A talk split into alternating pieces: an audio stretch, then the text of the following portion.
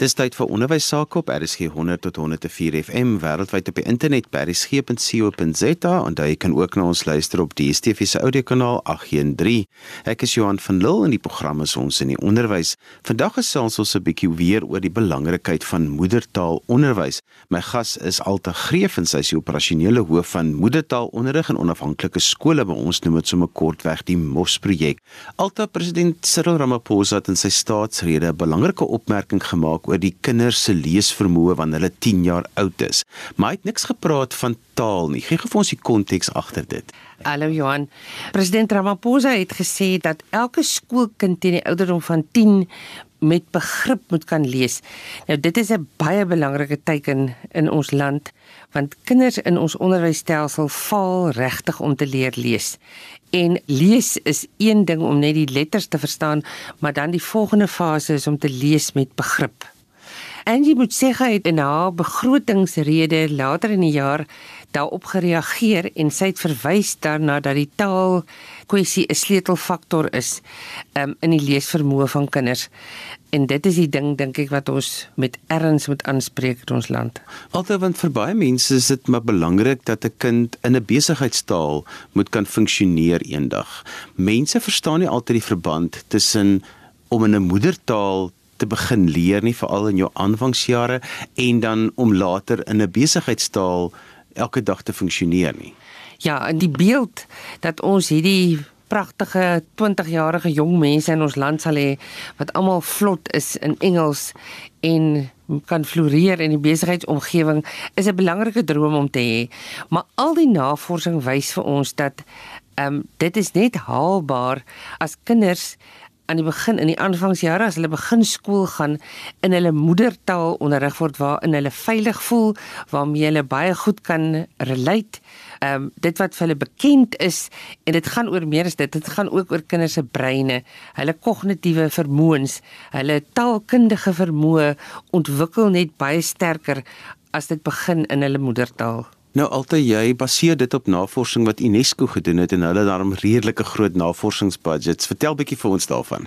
Uh die UNESCO navorsing is gelei deur professor Kathleen Huug, sy is 'n Suid-Afrikaner, maar sy is op die oomblik 'n mede-professor in die departement van toegepaste linguistiek by die Universiteit van Suid-Australië. En sy het 'n uh, groot projek daaroor gedoen en baie duidelik dit gekommunikeer dat in Afrika vir kinders om in Engels, Frans of Portugees te kan leer leer, moet hulle 'n minimum van 6 jaar moedertaal onderrig kry. En in lande waar die hulpbronne beperk is, waar in Suid-Afrika ook genoem word, ehm um, verskuif die 6 na 8 jaar daarvan. So altyd die implikasies dan nou vir onderwys in Suid-Afrika. Kom ons breek dit af na wat moet nou op grondvlak gebeur, maar ook op beleidsvlak die taalkwessie in Suid-Afrika is een van daai komplekse probleme wat as 'n mens dit oor vir eenvoudig jy letterlik gevaar loop om nooit op te los nie. Nou, die ander ding wat mense in Suid-Afrika in gedagte moet hou is ons het 'n baie sterk inhoudgedrewe kurrikulum. Met ander woorde, waar ons waarde heg is dat kinders inhoudelike dinge moet bemeester. Ons wil hê hulle moet feite ken, hulle moet datums kan opsê ensovoorts. Nou as dit is waaraan ons waarde heg, dan raak die moedertaal kwessie net nog meer gekompliseer. Waar as ons net 'n bietjie weggaan van die fokus op die inhoud en gaan na die vaardighede wat ons wil ontwikkel, dan raak dit 'n baie meer haalbare ding om vir 3 of 4 jaar as kinders begin te fokus daarop om vir hulle te laat lees in hulle moedertaal en hulle kognitiewe ontwikkeling eers te stel. Altemal mense dink nog steeds dis beter vir kinders om in ons besigheidstaal te begin leer. En dit is asof mense dink as ek in daardie taal begin leer, dan gaan my kind eendag dit ook kan praat en doen. En daar's 'n groot verwarring tussen om te ontwikkel in die taal wat ek die meeste hoor en die taal wat ek eintlik later in gaan miskien funksioneer. Daar gebeur 'n ding wat 'n mens moet versigtig wees want daar is kinders wat dit suksesvol kan doen en kinders wat uit goed gestimuleerde omgewings kom en wat wel die Engels wat nou hierdie besigheidstaal is wat dit wel gereeld hoor. Hulle word ook blootgestel op die televisie en nou op die internet daaraan. En daar is kinders wat dit wonderbaarlik goed regkry, maar as ons die groter prentjie ons nasie wil bou en die meerderheid van kinders kry kry om te floreer, dan moet ons teruggaan na hierdie waarheid wat al die navorsing na toe wys en dit is dat kinders die heel beste ontwikkel wat hulle breine betref as hulle kan begin deur te leer lees in hulle moedertaal. Hoekom is dit so? Ons kom nou by die hele onderwerp van dekolonialisasie van die onderwys. Ek dink die mense onderskat daai verskriklike belangrike ding dat kinders net leer as hulle veilig voel. En as jy almekaar gekonfronteer word met 'n taal wat vir jou vreemd is, wat woorde en konsepte in dit wat jy nie ken nie, dan is dit letterlik asof kinders se breine in 'n flight and fright mode gaan en dat die leerproses letterlik tot stilstand kom. Alta want jy het net nou daarna verwys ons voorheen 'n bietjie gesels het na die belangrikheid daarvan dat kinders nie net blootgestel word aan materiaal wat vertaal word in verskillende tale nie, maar dat dit materiaal is wat geskep is binne daardie taal en dat dit maar van taal tot taal kan verskil. En dis 'n baie belangrike ding en dit gaan nou terug na daai dekolonisasie van die onderwys. Die kultuur en die konteks wat saamgaan met materiaal wat in die oorspronklike taal geskep is, moenie onderskat word nie. Daar word baie goeie werk in ons land gedoen deur Nali Bali wat dit ten doel het om oorspronklik geskepte materiaal te versprei. En die Ruto Foundation is ook aktiviste vir taal. Nou 'n mens moet onthou dat ons dit ook 'n bietjie inkoop van die regering nodig wat hierdie soort projekte ondersteun want dit is nogal 'n duur transaksie om nuwe inhoud in 'n taal te skep. Ons is in die gelukkige posisie dat as ons nou begin en kinders regtig waar autentiek leer van kleins af, ons op 'n baie goeie punt kan wees 15 jaar van nou af. Altema waar het hier pap op die grond geval? Hoekom is dit so dat moedertaalonderwys onder opvoedkundiges die belangrikheid daarvan tog so bekend is. Maar vir die meerderheid mense wil hulle eintlik maar net hê dat die kinders 'n besigheidstaal wat die meeste mense praat so gou as moontlik moet leer en sodat hulle 'n goeie begin in die lewe kan hê en jy weet hulle gaan dit maak daar buite. Ons weet die gevaar van persepsies is altyd daar en ek dink dit gegaan van 'n persepsie na um, wat ons in Engels noem 'n belief, 'n oortuiging wat mense het. En ek dink mense vier mekaar aan en ek dink politici speel ook 'n groot rol. Hulle verkondig daai boodskap soms subtiel en mense moet ook nie vergeet die rol wat mense wat dit in die lewe gemaak het speel nie. As suksesvolle mense almal suksesvol is in Engels, dan dink ek beïnvloed dit mense se denke nogal. Ons moet ook onthou dat dit 'n wêreldwye verskynsel is. Daar's 'n baie interessante nuwe pedagogiek besig om te ontwikkel wat eintlik uit Amerika uitkom, waar Amerika het so ongelooflike hoë persentasie Spaans sprekende leerders in 'n Engelse stelsel. Hulle noem dit translanguaging. Die poging is om kinders te laat goed voel oor hulle eie taal en hulle te laat voel dat hulle iets na die tafel en na die leersituasie toe bring. Interessant genoeg ook baie wortel geskiet nou in Europa omdat met al die vlugtelinge in Europa daar baie groot persentasie klasse is wat vroeër in een suiwer taal aangebied is waar daar nou tot 10 verskillende moedertale verteenwoordig word. So as jy nou sê die pap het op die grond geval dan dink ek ons moet net seker maak ek dink ons het 'n groot beraad nodig hieroor dat as 'n nasie ons die hele ding van dit val amper in dieselfde kategorie as staatskaping en grondhervorming die taalbeleid in Suid-Afrika vir ons kinders om baie goed te leer is iets wat ons nie langer op die grond kan los nie As jy sopas ingeskakel het, jy luister na ons in die onderwys op RSG 100 tot 104 FM wêreldwyd op die internet by rsg.co.za en jy kan ook na ons luister op die DSTV se audiokanaal 813. Die program is ons in die onderwys saam met my Johan van Lille. My gas vandag is Alte Greef en sy is van die moedertaalonderrig en onafhanklike skole projek en ons praat 'n bietjie oor die belangrikheid van moedertaalonderrig. Alte, nou wil ek vir jou baie graag vra dat jy die moedertaalonderrig kwessie binne die wêreld van tegnologie en digitalisering plaas want daar is moedertaalbronne in Afrikaans, Engels, maar in 'n baie mindere mate in die ander amptelike tale beskikbaar binne Suid-Afrika en dis altyd ook vir my die hartseer kant want baie van die kinders word dan ook uitgesluit van tegnologie om dan met hulle moedertaal in tegnologie kennis te maak. Die tegnologie in die moedertaal is 'n interessante ding Johan. So 'n paar jaar gelede was daar van die nasionale onderwysdepartement af se kant af nogal 'n groot poging om veeltaligheid in Suid-Afrika te bevorder. En die die groot ding wat teen hulle almekaar vasloop is die gebrek aan onderwysers wat die taal genoeg en goed genoeg magtig is om dit as 'n vak aan te bied maar ook om onderrig in die vak aan te bied.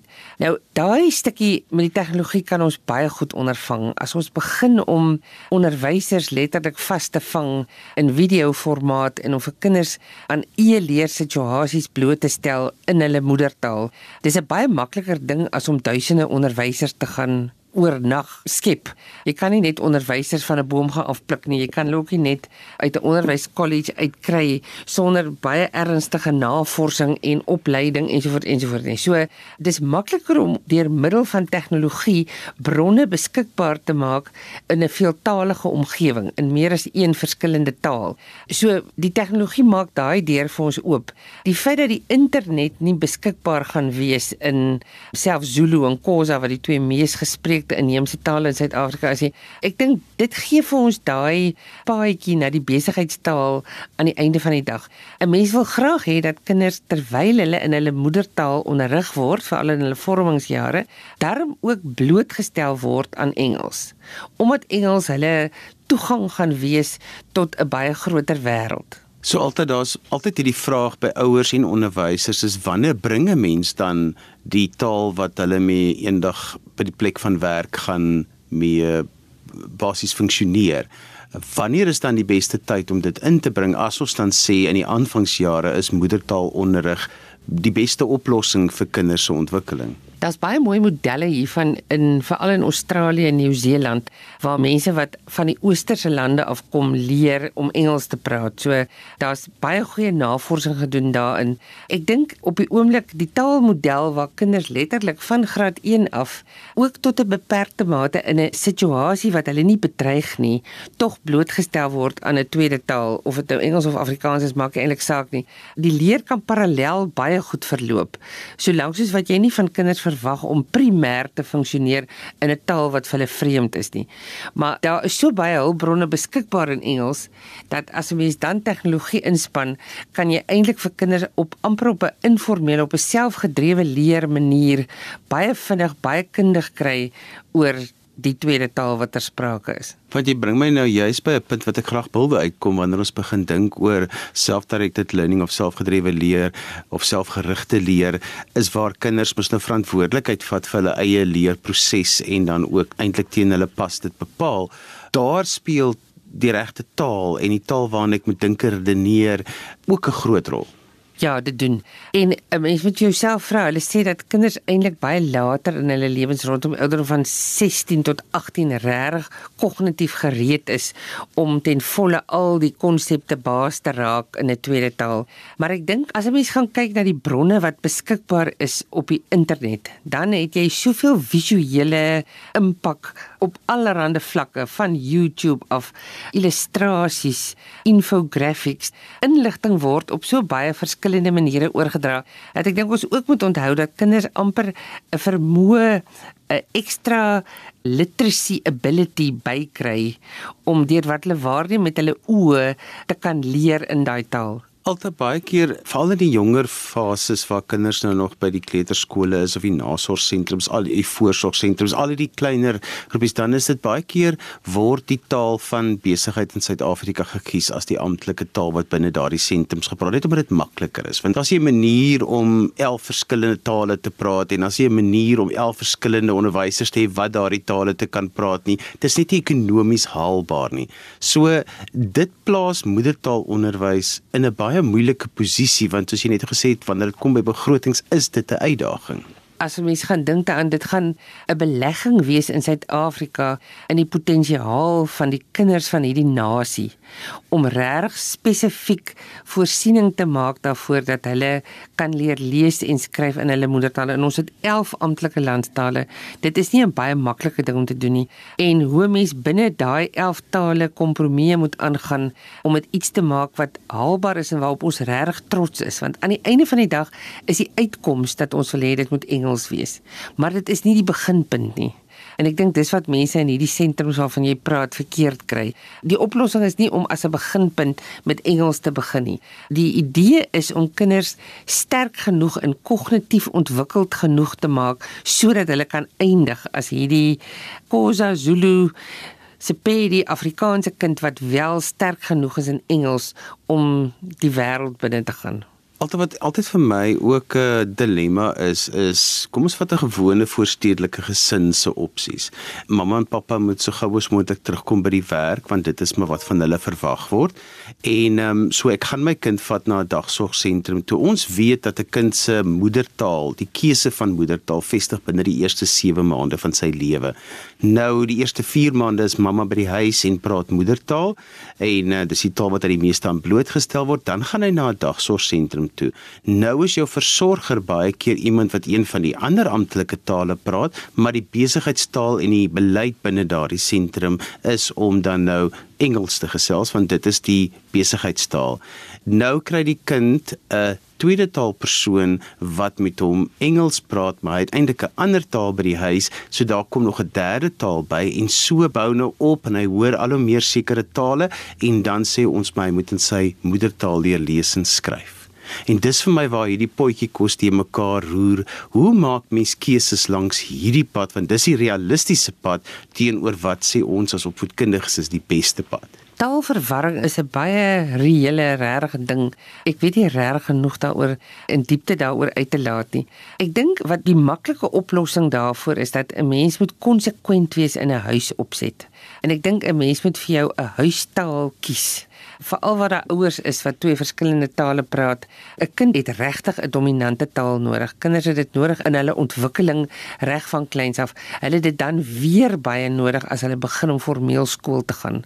En daar is kinders, ek moet dit net weer sê, daar is kinders wat baie goed vaar omdat hulle kognitief begaafd is, omdat hulle 'n natuurlike aanleg het vir tale. Maar nie alle mense is dieselfde nie en kinders verskil daaroor en om verward te raak in taal en kinders sal waarskynlik nie praat nie. Hulle sal baie stadiger wees om te praat en dit kan regtig hulle ontwikkelingsskade berokken.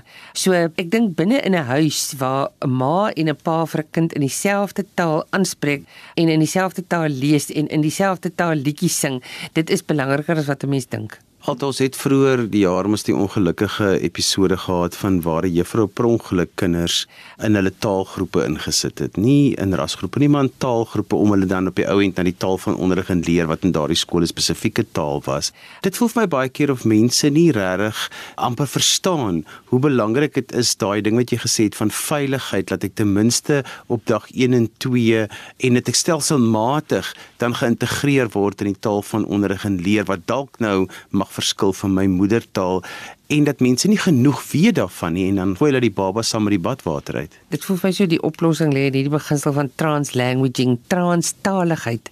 Het ek gesien was 'n Afrikaanse vertaling daarvoor. Ek ek dink ons moet regtig groot word oor hierdie hele ding van die rasse kwessie wat baie keer die taalverdeling meebring. Maar as 'n mens dit in 'n klas in 'n pedagogiese situasie kan kry waar kinders in hierdie groepies bly, maar hulle is in dieselfde klas en hulle kan hierdie trots ervaar oor hulle taal en hulle iets na die tafel toe bring uit die taal en die kultuur wat hulle verteenwoordig.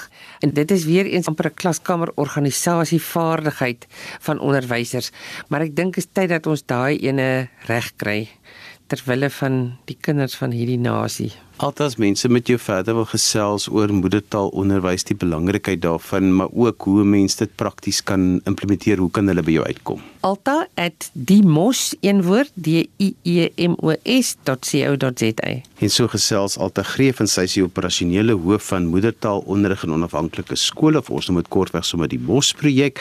Onthou jy kan weer na vandag se program luister as 'n potgooi. Laat dit af by resgep.co.za. Ons vandag weer 'n slag gesels oor die belangrikheid van moedertaalonderwys, maar ook oor die kompleksiteite wat daarmee saamgaan. Skryf gerus vir my e-pos by Johan@vvmedia.co.za daarmee groet ek dan vir vandag tot volgende week van my Johan van Lille. Totsiens